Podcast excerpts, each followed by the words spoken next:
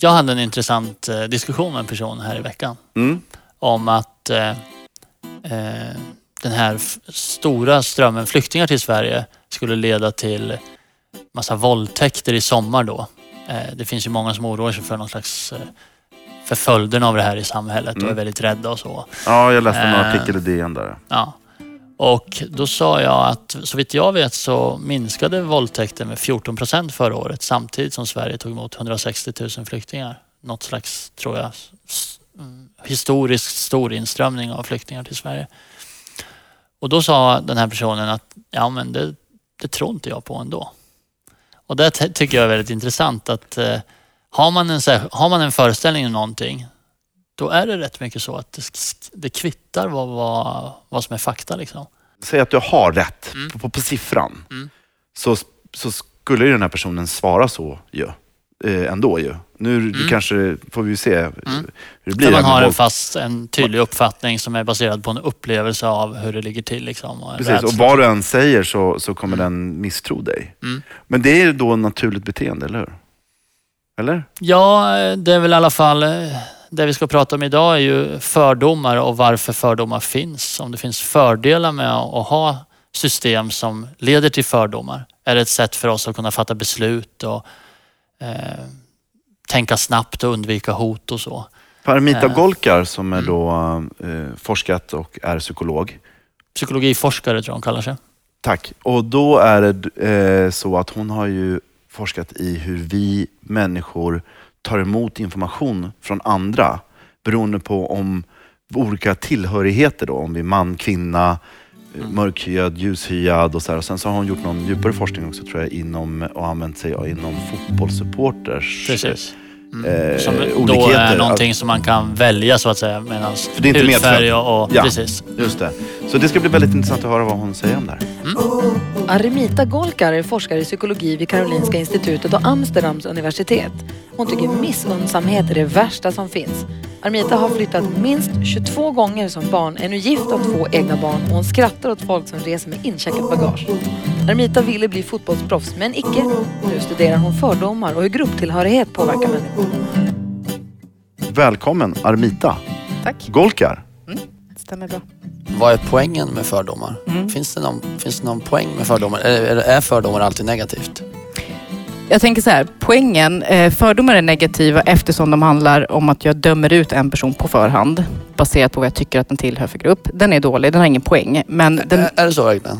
Kan den inte ha... Gör vi inte alltid Ja. så för att i någon slags överlevnadsvärde? Jo, och det är att, det- att vi må, måste kategorisera och då kan vi... Förstår du vad jag menar? Exakt, och det är det som är grejen. Poängen däremot är det som sker innan. Det är, det är det som är poängen är att vi behöver kategorisera. Vi behöver kategorisera människor, objekt, allt möjligt i vår miljö för att göra den lite enklare att begripa, för att spara resurser och för att kunna fatta beslut lite snabbare än att göra den här nyanserade tolkningen varje gång. Och därför så finns det en poäng och evolutionärt kan man se det, eller hur man vill betrakta kan man säga att människan behöver göra de här generaliseringarna. Men de skulle ju kunna stanna vid att vara en generalisering och sen skulle jag kunna bromsa det innan det handlar om att jag har en fördom och sen diskriminera andra människor. Alltså de är bara biprodukter, alltså de är en effekt av någonting som är jätterimligt att vi gör. Mm. Men baksidan är att de kan leda till att man... Men om man, om man går in i en tunnelbanevagn eh, här vid Globen då och det är 20 gravt berusade fotbollssupportrar Mm. som verkar väldigt aggressiva. Då, då eh, skulle förstås att, att eh, döma den 21 av dem det skulle vara frestande då att, att kategorisera den personen som person jag borde undvika. Mm. Fast jag inte egentligen har djupintervjuat den personen. Ja, och det är där det börjar bli liksom bra att ha liksom vissa generella uppfattningar eh, som faktiskt, i det här fallet så tog du inte upp en och det är det som är grejen. Hade jag stött på en aik och jag råkar vara djurgårdare så jag säger vi också ogillar AIK av den anledningen. Du gör det alltså? Eh, Nej, Jo. jag gillar alla. Ehm, men vi säger att jag hade gått i den där tunneln och bara undvikit att gå där för att han var aik Då hade jag förmodligen gjort fel. För långt ifrån alla aik kommer spöa mig. Men om han dessutom är full och dessutom beter sig aggressivt. Alltså, du förstår vad jag menar? Och det är det. Då, om jag då tänker att jag undviker för att han är AIK, det är ju fel. Jag undviker för det finns en massa saker som tyder på att det här är potentiellt farligt. Men om jag går därifrån med erfarenheten av att det var, så, ah, det var för att han var AIK som han klubbade på mig. då, då blir det ju ändå fel. För han klubbade fortfarande mål eller misshandlade med vad det är som händer för att han var full berusad. Mm. Och AIK eller Djurgården hade kanske inte spelat någon roll. Men vi glömmer det eftersom i förutfattad mening att det är för att han är aik som han gör det. Men, men en ändå funktion som du är inne på av den här kategoriseringen Mm. är att, att hjärnan ska effektivare. Ja. Till exempel kunna undvika hot. Då då. Exakt. Och om man, om man då av olika skäl har uppfattat en typ av individer som Mm. hotfulla, då, då, sig, då det liksom, blir det så att, att en, en annan individ Mm. associeras med det och då Exakt. undviker man det. Så- Och den individgrejen, det är där problemet uppstår. Det är där alltså. problemet uppstår. Jag tycker det finns jätte... Det är mycket enklare att förstå ibland när man tänker så här konkret. Om man, de flesta saker vi försöker liksom dra slutsatser om är jättesmå skillnader mellan grupper. Så det är nästan lättare att titta på någonting där det är så här drastiska skillnader. Ta eh, någonting som är på tapeten. Man säger eh, att 99 procent av alla våldtäkter eh, begås av män. Det är jättesällan vi har att göra med en så stor skillnad mellan två grupper män och kvinnor. 99 procent verkar det som ungefär roughly sådär, vara begås av män. Det är jättebra information att ha med mig. Men hur rimligt är det att jag undviker män? 99 procent av För att män våldtar ju undvika, inte. exakt, för 99 procent av män våldtar ju däremot inte. Så att även om 99 procent av våldtäkterna begås av män, så är ju långt ifrån alla män potentiella våldtäktsmän. Hur jag använder den informationen, det är där det blir liksom. Om det är så att jag ska passera den här tunneln och göra ett beslut om vad är farligt. Och så ser jag, jag har en tunnel mörk med en man, en tunnel mörk med en kvinna. Då är det självklart att det är farligare att gå där det är en man. Även om det liksom är på promillen, liksom andelen män som begår våldtäkter överhuvudtaget. Men det är inte så lite världen... Ja, men, Men då, men då är det så, gruppnivå kan man ha hyfsat rätt Ja. om man har faktan rätt. Om man för har det är väl en annan är där, faktor. eh, För att, för att om man då sitter och hänger på Facebook med eh, högerextrema människor som postar och det finns ingen källkritik som det Nej. ser ut idag, som medielandskapet har utvecklat sig. Så då sitter man på felaktig fakta som man sen då lägger till grund till sin... Men eh, eh, fördomar i gruppnivå, det kan vara okej att ha. Problemet är när man tar ner det på individnivå. ja, stereotyper på gruppnivå, föreställningar bara, där man inte har satt in en känsloladdning på individen. Alltså fördomar kräver nästan att du har en negativ eller positiv för den delen, men en attityd gentemot en individ. Bara för att den tillhör en grupp. En stereotyp är däremot den där generaliserade uppfattningen. Jag tror att män är längre än kvinnor. Jag tror, det kan vara laddat. Jag tror att en viss grupp av människor är snålare än andra. Exempelvis. Den är Smålänningar. Ja. Smålänningar exempelvis. Men jag har inte sagt att jag ogillar den här smålänningen för att jag tror att den är snål. Det är en fördom. Och då kommer det här, hur rimligt är det att basera sig på den här kunskapen om vi så, trots allt ofta vet ganska dåligt, alltså vi har dåligt underlag. Vi har inte så bra statistisk koll på vad som är vanligt och ovanligt. Plus att våra erfarenheter sällan är korrekta för att vi har en massa sätt att liksom missa information. Men är inte det ett problem när man också får höra en osanning flera gånger? Då blir den ju sann.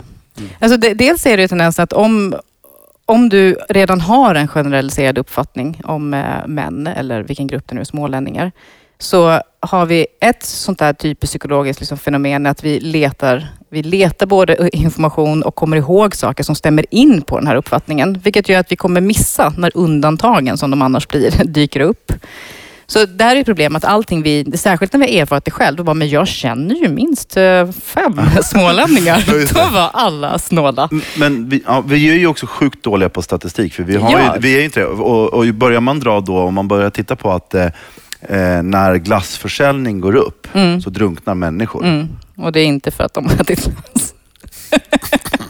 Jag menar, det är ju, ja, men vadå? Man Alltså, blir så vi- tung i magen Ja, men det blir alltså, men alltså, du kan ju inte äta glass för då drunknar du ju. Ja. För det ser man ju. Alltså, ett samband, och det, och det är det ju är ett det. samband som, jag tror att, och jag upplever det lite grann som att när man eh, hänger på sociala eh, olika sammanhang. Jag är väldigt Vad nyfiken. Så, umgås du med för folk på Facebook? nej, men jag, går, jag älskar ju att göra djupdyk. Facebook blottar de ju sig själv. Alla blottar ju sina sidor där verkar det som. Alltså, hamnar man på någon form av inriktning på Facebook så tycker jag att man får sån otrolig bild av, av hur det kan se ut. Skitsamma, men jag tycker det är intressant i alla fall att man vill ju se samband. Mm. Och då menar jag det här glassexemplet är ju ett, ett perfekt exempel på hur man skulle kunna vilja Mm. tolka statistik. Och det är ju det som jag tror är... Jag tror att med samband är det exakt samma sak. Alltså vi måste skilja på att det finns, att se samband i världen är minst lika viktigt som att kategorisera världen. Alltså det är jätteviktigt för oss att kunna se samband och därmed tolka vad som varför någonting händer, alltså varför A leder till B i världen. Eh, på det sättet så har vi använt den här typen av strategier för att förstå världen. De är jätteviktiga. Det är bara att effekten av dem kan bli att vi blir fördomsfulla eller att vi ser samband som kausala fast de inte är det. Vad, Men- vad innebär det då? och det innebär att vi tror att det ena orsakar det andra. att det är så här, att glass äta glass gör att jag drunknar. Nej. Om vi inte hade eh, utvecklats genom att kunna se samband, även när de ibland, alltså på bekostnad av att de ibland är fel, alltså inte orsakar varandra, så hade vi inte varit här idag. Då hade vår utveckling drabbats av det. Precis som att inte kategorisera är viktigt. Är det inte viktigt att, för jag tänker med många människor, eh, många människors erfarenhetsvärld inkluderar ju inte, eh, har ju svårt att förstå människor som är fattiga eller inte har tillgång till surdegs-Sverige så att säga och allt det här härliga. Och, och kan bara inte begripa varför inte alla är glada. Det är så mycket härliga butiker kring Ny, Nytorget och så. Ehm, och då tänker man väl ändå, det är väl också vi- viktigt att, att behålla kontakten med, med, det, med, med den delen av sin, sin identitet och Ja. ursprung för att, för att faktiskt ha en bredare er, erfarenhetsvärld och kunna förstå människor på olika Det sätt. tror jag också. Det är klart. Att inte bara gå in i det här För det är ju super-Sverige risken. så att säga. Alltså, man kan inte överskatta, jag tror att det finns, har man, är man tillräckligt präglad eh, av sin barndom och uppväxt så finns det ju någonstans vilande kvar där. Men man ska nog inte överskatta att den där ska hänga med hela tiden om man sen lever så långt bort från den världen Ja. som man kan göra i resterande 30 år av sitt vuxna liv. Jag menar, det är klart att det är, jag tror att det är viktigt. Olga. Sen är det det här som jag tror är liksom en av de psykologiska förklaringarna till att fördomar, säger okej vi kan förstå varför det uppstår. Det är så lätt att kategorisera, det är viktigt för oss. Vi behöver de här generaliseringarna och ibland blir det fördomar av dem. Och ibland är de skadliga.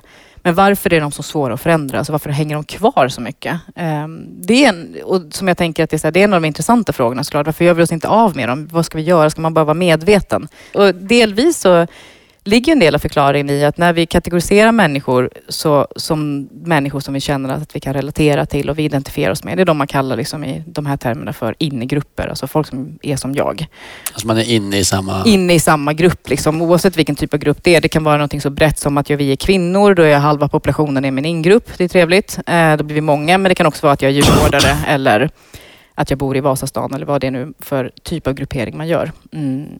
Och då, då, är det, då bildar man de här ingrupperna, vilket baksidan då oftast blir, behöver inte nödvändigtvis bli, men att det finns ju då de som inte får plats. Det är de vi kallar för utgrupp. De som alltså inte är kvinnor eller inte bor i Vasastan eller är djurgårdare. Det vackra tycker jag lite är att någonstans påminna sig om att vi människor är inte födda med den här liksom enorma viljan att exkludera folk. Utan det är snarare att vi har en extremt stark drivkraft till att, till att sätta att relatera till människor och därmed skapa singgruppen. Alltså vi har behövt relatera till människor, identifiera oss med dem för att veta vilka vi ska lita på, för att kunna samarbeta och bygga en civilisation. Det är som det som är den starka drivkraften. Det är bara att en baksida är att vissa inte får plats. Det är inte det här hatet som Okej. driver oss. Förstår ni vad jag menar? Jag det är inte det här jag ska identifiera vilka det är som är the bad guys, utan snarare om man tittar på forskningen så är det väldigt mycket som tyder på att den starka drivkraften är att vi behöver alliera oss med folk, alltså att vi behöver skaffa samarbetspartners för att komma vidare. För att vi, hela vår Men det civilisation finns en bygger på gräns det. av hur Men många det finns som en gräns av hur många Ungefär som som ett passar. barnkalas då. Man, barnet kan bara bjuda in åtta barn. Det, Ja. är, det är det primära. Exakt. Men en konsekvens blir att alla barn Alla blev inte bjudna. Exakt, och det är inte Mm. för att vi ogillar de där andra fyra, Nej. utan det är bara att det fick inte plats. Och det är en grundläggande mänsklig, Ja, och- mänskligt beteende. Och det tror jag att man måste kapitalisera på lite. Att det är inte hatet som driver oss eller liksom viljan att exkludera. Och det här kan man visa i psykologisk forskning då? Och det här har man Okej. bland annat tittat på att det är, eh, och, och som verkar också rent, liksom om man tänker så här evolutionärt, makes more sense. Alltså det är rimligare att vi faktiskt haft ett behov av att hitta samarbetspartner än att vi haft behov av att skaffa oss fiender. Varför skulle vi ha det behovet? Liksom, det hade inte ens varit gynnsamt. Um, och, och ser man det så, så, så följer liksom en av de förklaringarna till varför det blir så svårt att bli av med fördomar exempelvis är att vi skaffar de här in och utgrupperna, alltså de vi känner oss eh, lika och de vi inte, som inte får plats och de som vi känner oss olika. Um, så att vi har lite olika sätt att uppfatta dem. När de väl har blivit vår ingrupp så tenderar vi att tycka att de är liksom mer unika och olika varandra. De här människorna som är som jag. De ser jag lättare som individer.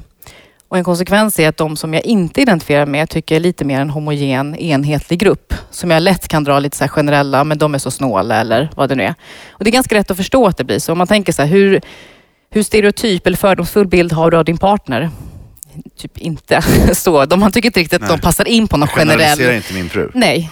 Hon passar inte in på någon stereotyp föreställning av någonting annat som, som skulle vara. Och det är för att du känner henne så väl. Då är hon ju differentierad. Hon är, en, hon är en unik person med egenskaper som inte går att dra. Det är jättesvårt att ens ta fyra adjektiv för att beskriva sin partner. Man bara, ja, men lat, ja, fast inte alltid och så vidare. Eller hur? Ja. Glad men inte jämt. Och, men jag har mycket lättare för att sätta lat och glad och massa andra egenskaper på människor jag knappt har träffat. Då är de här generella dragen liksom så här, jo men smålänningar, de är lite lata. Liksom Utgruppen då helt enkelt. utgruppen. Och det där gör att vi har ett problem när, som gör att vi inte är lika utsatta för att man exempelvis då upplever en grupp som stereotyp. Utgruppen är lättare att stereotypisera, alltså tycka generella saker om, vilket gör att de är mer benägna också att vara sådana som jag har fördomar mot. Och så, och så där fortsätter det. Liksom, att vi upplever dem inte som unika individer, vilket är farligt. Det vet vi från all forskning, att inte se dem som... Liksom, Så, så eh, kan man säga att liksom, eh, ju längre distans till människor, desto större risk för fördomar? Då, Ja, eller? och då är det så här att man tänker att det här borde lösa sig om vi bara umgås. Just tillbaka till det att vi skulle hänga lite mer med varandra. Men, ehm, och återigen, liksom, för att komplicera det, så här, svaret är typ ja. Eh, att bara ha liksom, kontakt i sig verkar inte göra så att vi inte stereotypiseras och har generella uppfattningar. Eh, det lättaste sättet att betrakta eh, män och kvinnor. Män och kvinnor umgås jättemycket, förhoppningsvis. så har vi i alla fall, det är i alla fall inte en grupp vi säger så här, jag har nästan ingen kontakt med män. Jag har jättemycket kontakt med män till vardags och män med kvinnor. Än- Ändå, trots den här kontakten som skulle vara lösningen på allt, så har män exempelvis mer liksom, generell uppfattning om vad kvinnor... De tycker kvinnor som grupp är mer lika varandra än vad män är. Och kvinnor tycker att man kan ha mer liksom, svepande beskrivningar av män generellt och de är mer homogena, alltså lika varandra, än vad kvinnor är. Så att det här liksom, problemet kvarstår om att ha generaliserade uppfattningar, även bland grupper som umgås typ hela tiden. Så man, står, man är i flera ingrupper förstås? Ja, ja, hela tiden. Alltså, exakt. Du är ju massa saker. På Och så den här- finns det massa ut, utgrupper då, Ja. ur, ur min perspektiv. Och jag, det ligger i mitt mänskliga beteende att vilja ha en grupp, alliera mig för att känna mig starkare. Men det finns en begränsning av hur många jag pallar Ja. ta in ändå. Så att lösningen blir inte att bara att exponeras för flera Nej. av den grupp, utgruppen. Nej. Så det är inte lösningen. Men en annan sak som går upp för mig nu när jag lyssnar på dig, när du berättar det här, är ju att om man som utgrupp kanske anklagar ingruppen Mm. för att vara exkluderande, så känner ju inte de igen sig i det. Nej. Mm. För de har ju, vadå, vi är ju nio pers här och har skitmysigt. Jag älskar mina bröder som jag hänger med här. Och du sitter och anklagar mig för att vara exkluderande och att du inte får vara med och leka. Men du har helt fel. Exakt, Det- och då skapas ju de här som man tänker att kontakt, eh, som man tidigare har trott väldigt mycket på ska lösa det, visar sig att det är så här, ja om omständigheterna var optimala, det fanns inga motsättningar och ingen ojämlikhet i samhället, då skulle liksom, så vi gick in som helt blankt, då skulle kontakt kunna ha en bra inverkan. Det har den i de här optimala omständigheterna. Men ganska snabbt uppstår sådana där saker. Någon känner sig exkluderad, samhället är inte jämlikt, alla har inte samma förutsättningar. Så det är redan polariserat och då verkar inte kontakten lösa det i sig. Om man nu inte hjälper, det hjälps inte av att man exponeras Mm. av den här utgruppen. Och att, alltså, lösningen är inte att umgås mera. Nej. Hur gör vi då, då? Hur ska vi göra då? Och där finns det liksom eh, det som verkar vara så här tydligast. Det kan vara svårt att åstadkomma, men en tydlig grej och som jag personligen faktiskt vill eh, bolla för, det är, det är situationer där vi människor tvingas att samarbeta. Kan få tvingas, det är det som är grejen. Där vi liksom måste samarbeta och där vi också då blir beroende av varandra och över då grupper som man normalt sett inte skulle vara i kontakt med. Det bästa exemplet är eh, exempelvis barn som idrottar tillsammans. Säg att man spelar i ett fotbollslag som är tillräckligt blandat. Det, går, det är inte så gynnsamt om du faktiskt vill vinna den här matchen att gå omkring och hata eh, 50 procent av din, ditt egna lag, så att säga. Du är beroende av dina medspelare och ni jobbar mot någonting gemensamt så att era insatser räknas mot samma sak. Det är en av de liksom, omständigheter som har visat sig som är bäst. För att då är vi inte konkurrenter utan mitt bidrag och ditt bidrag ska in i samma pott. Vi är på väg åt samma håll och det man är beroende av varandra. Arbetsplatsen skulle ju vara någonting i ett vuxenperspektiv som, är, som jag tror på och som skulle vara viktigt där man kan skapa liksom ett underlag för att vi har något gemensamt för vi är båda på samma plats av samma syfte och vi måste jobba mot någonting gemensamt. Du, en anledning att vi har bjudit hit dig idag som gäst och pratar om fördomar är ju att du eh, håller på med forskning som i viss mån anknyter till Mm. fördomar. Eh, det, det här som vi pratar om med ingrupp och utgrupp. Mm. Eh, vill du berätta lite? Vad, vad, vad, vad är det för forskning du gör och vad ni har kommit fram till? Jag försökte läsa den, men den är så avancerad så jag känner mig så jävla puckad. Alltså, jag jag har verkligen varit tvungen att slå upp varje ord i en mening. Jag är superimponerad verkligen. Vi kan prata om det sen. Alltså, det, är snarare, det handlar mer om mig i och för sig. Men. Nej, eh, det är nog meningen att det ska vara komplicerat för dig om inte Ja. du är i min bransch. Så det känns helt naturligt. Ehm, Däremot så tycker jag att den, den forskning som jag framförallt sysslar med nu och det jag tittar på ehm, handlar ganska mycket om just det här med hur vi grupperar och att vi liksom har ganska lätt och inte behöver vara så avsiktligt att skaffa de här in och ut-grupperna. Att vi kategoriserar människor eh, ändå utan att ha onda avsikter. Och i vissa experiment som jag tittar på som jag tycker är, är roliga, tänkte jag säga, eh, intressanta, så um, tittar vi exempelvis på hur folk lär sig. Och man måste lära sig om exempelvis vad som är farligt. Och det enda du kan, informationen du har, det är att titta på vad som är farligt för någon annan. Liksom. Jag tittar på någon annan så ser jag att oj, det där verkar farligt. Han utsätts för någonting obehagligt varje gång det här grejen dyker upp. Och det är liksom den källan jag har. Jag får titta på dig och sen så för att lära mig om vad som är farligt exempelvis. Och det är ju väsentligt att lära sig att undvika det som är obehagligt eller potentiellt farligt. Så om Alex verkar rädd för den här juiceflaskan. Ja, då, om han blir kom- kräksjuk av att dricka den så lär jag mig någonting om, Mm. liksom, ska jag dricka den här juicen? Förmodligen inte. Det vi gjorde då var att liksom, ta en liknande sån situation. ehm, fast Alex dricker inte juice utan Alex får en elstöt. så han, han ser ut som att man inte Ja. gillar det här.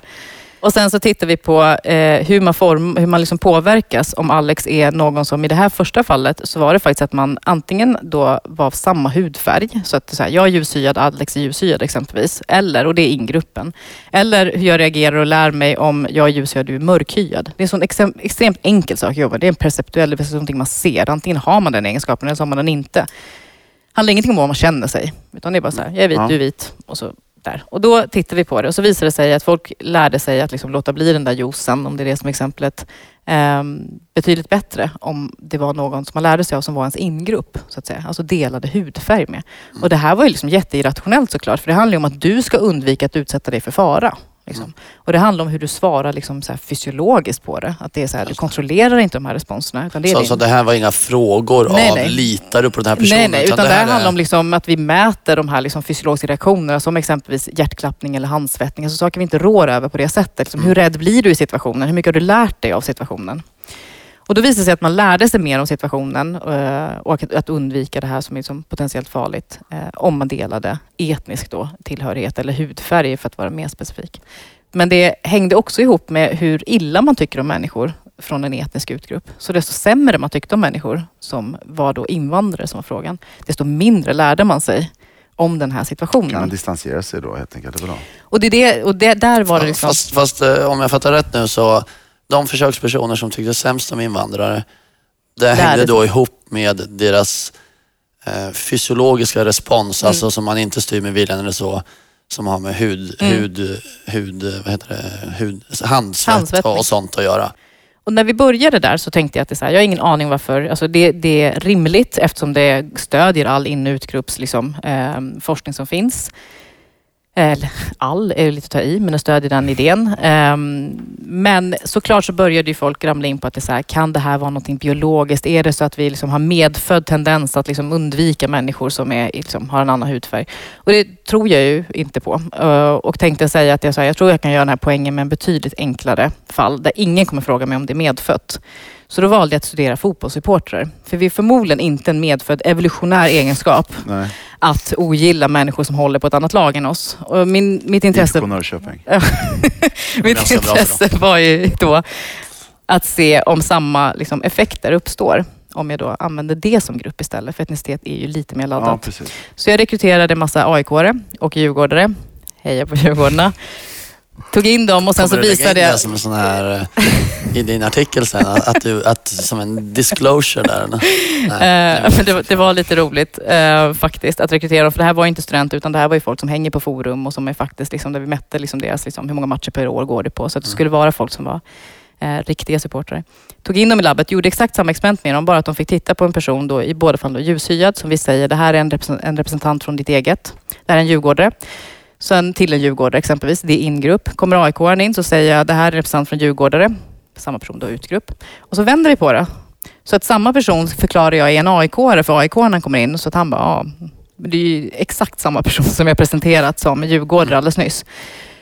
För olika individer. Och så lät jag dem göra exakt samma experiment. Och så tittar vi på så här, hur väl lär man sig om då in och utgruppen är baserat på om de håller på samma lag eller inte. Alltså tron på att den här personen håller på samma lag. Det finns ingenting, han har ingen pin på sig, Nej. inga symboler. Mm. Och det är ännu mer dramatiska effekter. Alltså man lär sig betydligt sämre och ingenting alls ser ut som i mina data just nu eh, av den här liksom, utgruppen som i det här fallet handlar bara om idén om att den inte håller på samma lag som jag. Och det hänger ihop med Och attityder. det går ju inte alls att se i det här fallet. Liksom. Nej. Det finns inga, inga tecken. Det finns inga Mer tecken mer än informationen informationen man har, förväntningarna liksom på. Och sen så tittar jag på attityderna och sen så har vi en skala då som mäter hur mycket man identifierar sig med sitt eget lag, alltså hur lojal man är med egna laget. Och desto mer lojal du är med ditt egna lag, desto bättre lär du dig av dina egna.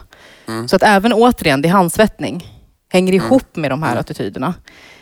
Vilket är viktigt för att säga att vi mäter någonting som uppenbarligen har att göra med ens attityder. Det är, Men Vi fyller på med våra egna. Om man, Ja. om man skulle ta... eh, För AIK och Djurgården har ju en fiendskap kan man ju säga. Mm. Om man skulle ta... Men inte Oj. de kusiner? Det säger väl nej men Hammarby? nu tycker jag inte att vi ska gå så långt. Hammarby säger väl att de är kusiner? Jag fattar ingenting. Nej, jag är så förvirrad. Men om man skulle ta då eh, Djurgården och dess farmarlag, Ja. som jag har glömt bort vad de heter. Mm. Eh, eller ett annat, annat lag som de inte är direkt fientliga med. Mm. Skulle, sku, sk- det, det vet du förstås inte svaret på för den studien har man inte gjort. Men, Nej. men skulle man tänka sig att eff- effekten försvann eller avtog? Eller för, för i din in, utgrupp här, AIK och Djurgården, då är det en väldigt tydlig uttalad rivalitet. Liksom. Exakt. Man Jag har ju valt dem för att maximera rivaliteten. Så jag Mm. tänkte liksom, jag tar två stycken riktiga rivaler i Stockholmsregionen Mm. så att det är relevant och liksom lokalt också relevant. Eh, min misstanke är ju att om man eh, skruvar ner rivalitetskänslan så ska man skruva ner effekterna. Mm. Eh, vad som kanske ännu mer intressant skulle vara att göra om det här har jag inga exakta planer på just nu, men jag tänker att för att liksom ta upp den nivå så skulle man kunna tänka sig att det kanske handlar om att kategorisera om det här. Om jag då tar in samma inte samma personer, men om jag tar in massa Djurgårdare och AIK igen och sen så säger jag att ni är här och så får ni kolla på någon som också är fotbollssupporter. Eller hatar fotboll. Alltså skapa en ny in och utgrupp. Om jag kategoriserar AIK och Djurgården som att det gemensamma med er, det är att ni älskar fotboll. Kontra någon som tycker att vi typ ska ta bort statliga bidrag för att bygga arenor i Stockholm. Eller någonting annat. Kanske. Ja, exakt. Alltså, då tror jag att det finns en möjlighet i alla fall att börja närma sig, så här, går det att kategorisera om? Kan man, liksom, kan man eh, förstora gränserna för ingruppen? Men, det är väl, men eh, det är, gan- Sverige, landslaget är väl ganska bra exempel? Ja, exakt. Det är Alltså så helt plötsligt så bara, jag, det, jag, som, jag, ju. jag är ju helt noll koll på idrott. Jag har varit på tre fotbollsmatcher hela mitt liv. Stått i AIK-klacken en gång faktiskt. Det var, det var faktiskt intressant. Eh, kul också faktiskt. Är det därför du inte går på fotboll längre? Nej, De spelar så jag vet inte, du får fråga. Men, men eh, jag som då inte är så här superinsatt, så sitter jag ändå och ser de här eh, Brasilien, så bara åker alla ner och så har de alla facepaint. De kan slå varandra ena dagen. Mm. Men så kör man Sverigeflaggan och likadant. De så i princip målar svenska flaggan på varandras ansikten och går och hejar fram Sverige. dina experiment på fotbollssupportrar skulle ändå tala för att även kategorier som går att förändra, som vi kan gå in och ur, Mm. har de här starka effekterna på in och utgrupp och våra beteenden. Exakt. Och det borde väl tala för att, vi kan påverka Ja. det här genom att sluta vara vissa grupper eller slå ihop grupper. Eller Exakt. Och jag tror slå ihop och jag tror att det är det som är nyckeln. Att om man då tänker på hud, liksom experimentet med där skillnaden mellan grupperna var liksom hudfärg. Om man då på samma sätt som du menar med fotbollssupportrarna, nu är det Sverige, svenska landslaget som gäller. Om man då grupperar om dem så att man blandar grupperna. Nu finns det mörkhyade och ljushyade, men det finns någonting annat som är gemensamt för oss. Vi är alla läkarstudenter. Då kanske det blir en ny kategori och helt plötsligt så struntar man i att vissa har olika hudfärg i den här gruppen. För jag identifierar mig som läkarstudent och det är också de här exempelvis. Så att de är flexibla. Och det, det finns det liksom egentligen ingenting jag har sett och läst där som skulle säga att de här, nej, de här kategoriseringarna, oavsett om det är medfödda egenskaper eller om de är socialt liksom helt inlärda, att man skaffar sig ett fotbollslag att gilla, att de skulle vara oflexibla. Ingenting Men, men det är så- alltså mänskligt beteende. Det här är ingenting som vi kan ändra, eller hur? Det, alltså det själva sättet att vara in och utgrupper, det finns med oss, eller hur? Alltså tendensen att göra det, att kategorisera, det finns naturligt i just, men det betyder inte att man... Alltså, det jag försöker säga är så här, även om det skulle finnas någon som sa så här, men det går att sluta, så skulle jag känna så här, ja, det kommer vara kostsamt. Liksom. Det kommer vi så här, slösa massor resurser som vi skulle behöva på att göra andra saker genom att liksom gå igenom varje människa och varje objekt ett för ett och inte tänka att det här finns någon gruppering. Det är en kostsam liksom, lösning.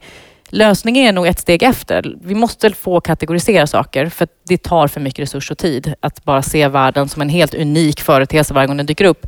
Men vi måste kunna bromsa när den här kategoriseringen innan den här liksom lite övergeneraliseringen av saker leder till värre saker, det vill säga fördomar, särskilt när de är negativa och sen i värsta fall då Diskriminerande. diskriminering. Och det, där någonstans tror jag att man måste stoppa det om man inte kan bryta ett mänskligt ganska, liksom också bra, vad ska man säga, liksom resursvänligt. För min fru, hon brukar säga, jag, eller jag brukar säga, och det, jag, det provocerar folk, men jag brukar säga att jag tycker om, jag, säger, jag älskar mina fördomar eller kategoriseringar. Mm.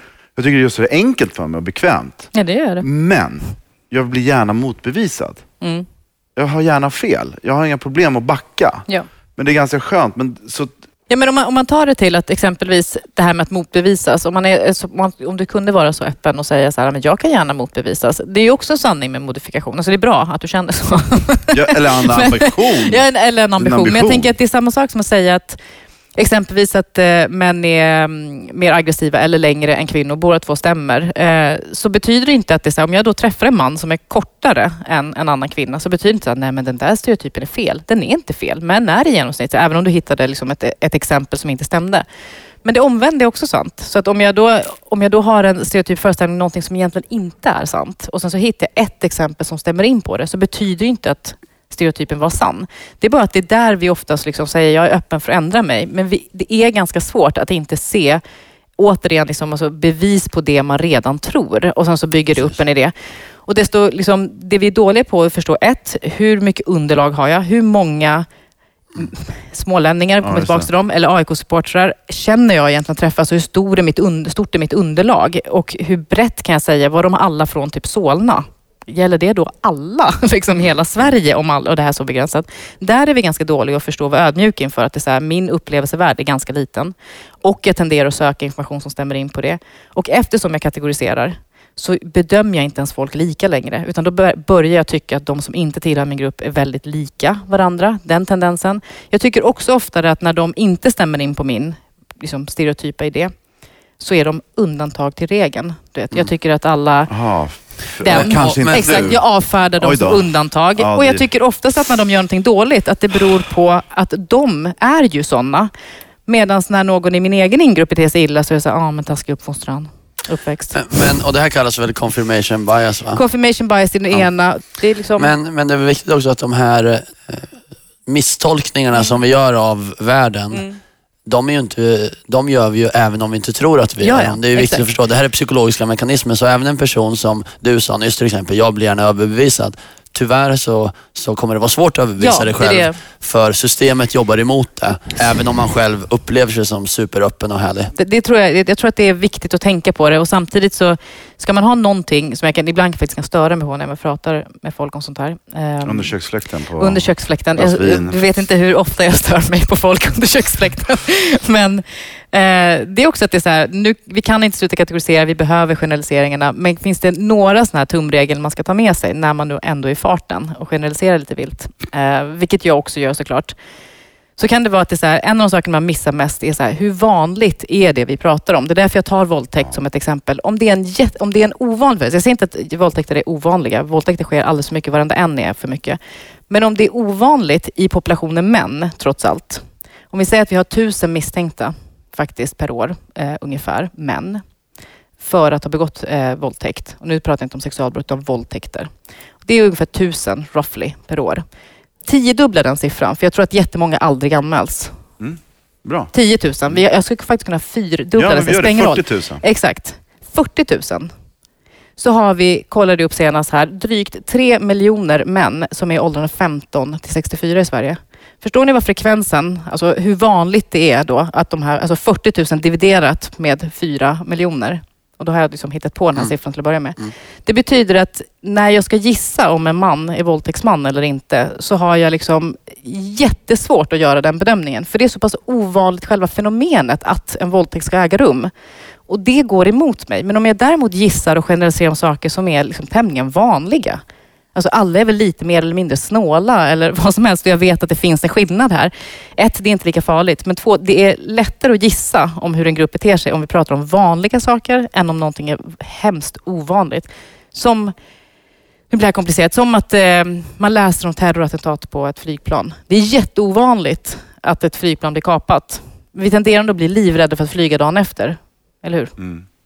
Vi överskattar risken att jag också ska dö i flygplanskapning. Jag, jag blev faktiskt mindre rädd för det tänkte jag, då har det Ja, det har redan Ja, ägt rum. Det är väl att sett, göra. hur många gånger Ja, händer det ja, två dagar på som Men exempelvis, anledningen till att alla våra riskkalkyler blir fel till att börja med, det är inte för att det faktiskt ägde rum alldeles nyss. Det kan ju faktiskt vara så att de blev inspirerade och nu vill göra det Ja, igen på ja. tisdag. Utan det är att flygplanskapningar är så jävla ovanliga till att börja med. Alltså, och vi har svårt att bä- bära med oss den tanken att det är så här, okej om 99 procent av alla våldtäkter begås av män, men om det är jätteovanligt bland män, för att våldtäkter är ganska ovanliga, givet att det är tre miljoner män som springer omkring där i våldtäktsförbar ålder. Då, då, måste man, då måste man ändå liksom komma på att det är så här, mm, dåligt underlag. Och samma sak med flygplanskapningar. De är jätteovanliga. Det är, i, I princip så är det så att vi inte är konstruerade för att tänka statistiskt. Liksom. En, en annan sak som vi har diskuterat en annan gång som jag tyckte var intressant är ju att ditt namn eh, är ju ovanligt Mm. och lätt att stava fel, i alla fall för mig, ditt förnamn. Mitt förnamn brukar bli oftast fel. Armita brukar bli Amrita eller... Am, am, Amitra har jag Amitra. kallat det av Ja. misstag. Och, så. och det är ju dumt. Men eh, jag, jag tänker mig också att det, det är... Eh, hur, hur är det med dig? Brukar folk försöka förstå vart du kommer ifrån i Sverige? Alltså kommer du... Nej, det sa jag redan. Så får man inte säga. Shit, direkt missat. Men alltså, det, jag kommer ha med hela det här. Jag kommer inte klippa bort det här. För att jag tycker det här är intressant. För att Det är exakt det här Det är det det är. här som är så jävla jobbigt. Alltså, och nu, nu pratar vi om ett namn, Armita Golkar. Mm. Och du stammar, du kan ju inte ens ställa en fråga. Nej, men det är exakt det där som sker. Jag, tror att det jag tycker ju mest att det är roligt. För jag brukar liksom, nu har jag lärt mig att vänta ut det och låta folk lida lite. För att, förut så hjälpte jag alltid. Jag var så här, åh nej, nu ska hon försöka, eller han försöka fråga mig om var jag kommer ifrån. Och jag tyckte det var så liksom, ångestladdat att den här personen lider så mycket av att inte veta hur man ska formulera sig och gå de här För, omvägarna. för, för det var så att folk frågade inte, är du ifrån Nej, Iran? nej jag, har aldrig, Utan- jag tror fortfarande aldrig jag lyckats få den frågan av någon som jag då tänker mig är svensk. Som säger så här, ja men Armita, vilket fint namn, var kommer du ifrån? Alltså det händer liksom inte, utan det är så här, Armita, vad, vad intressant, eh, vad annorlunda och vad... Är det möjligtvis så att dina föräldrar kanske har kanske varit så här från ett annat, alltså i typ ett annat land, alltså så här därifrån liksom, man bara hör dem så här dör inombords. För Christian, du undrar ju bara var Armita kommer ifrån. Ja, ja. Och, Och- hennes och där- ursprung och hennes Och kulturella där tror jag arv. att jag alltid, jag har ju fått höra för lite sånt för att jag alltid avbryter varit så här, jag är född i Iran, liksom, så här, snabbt, vi kommer till det, jag vet att du vill veta. Annars, men nu för tiden så brukar jag liksom bara så här, pausa och lyssna på hur lång tid ska det här ta?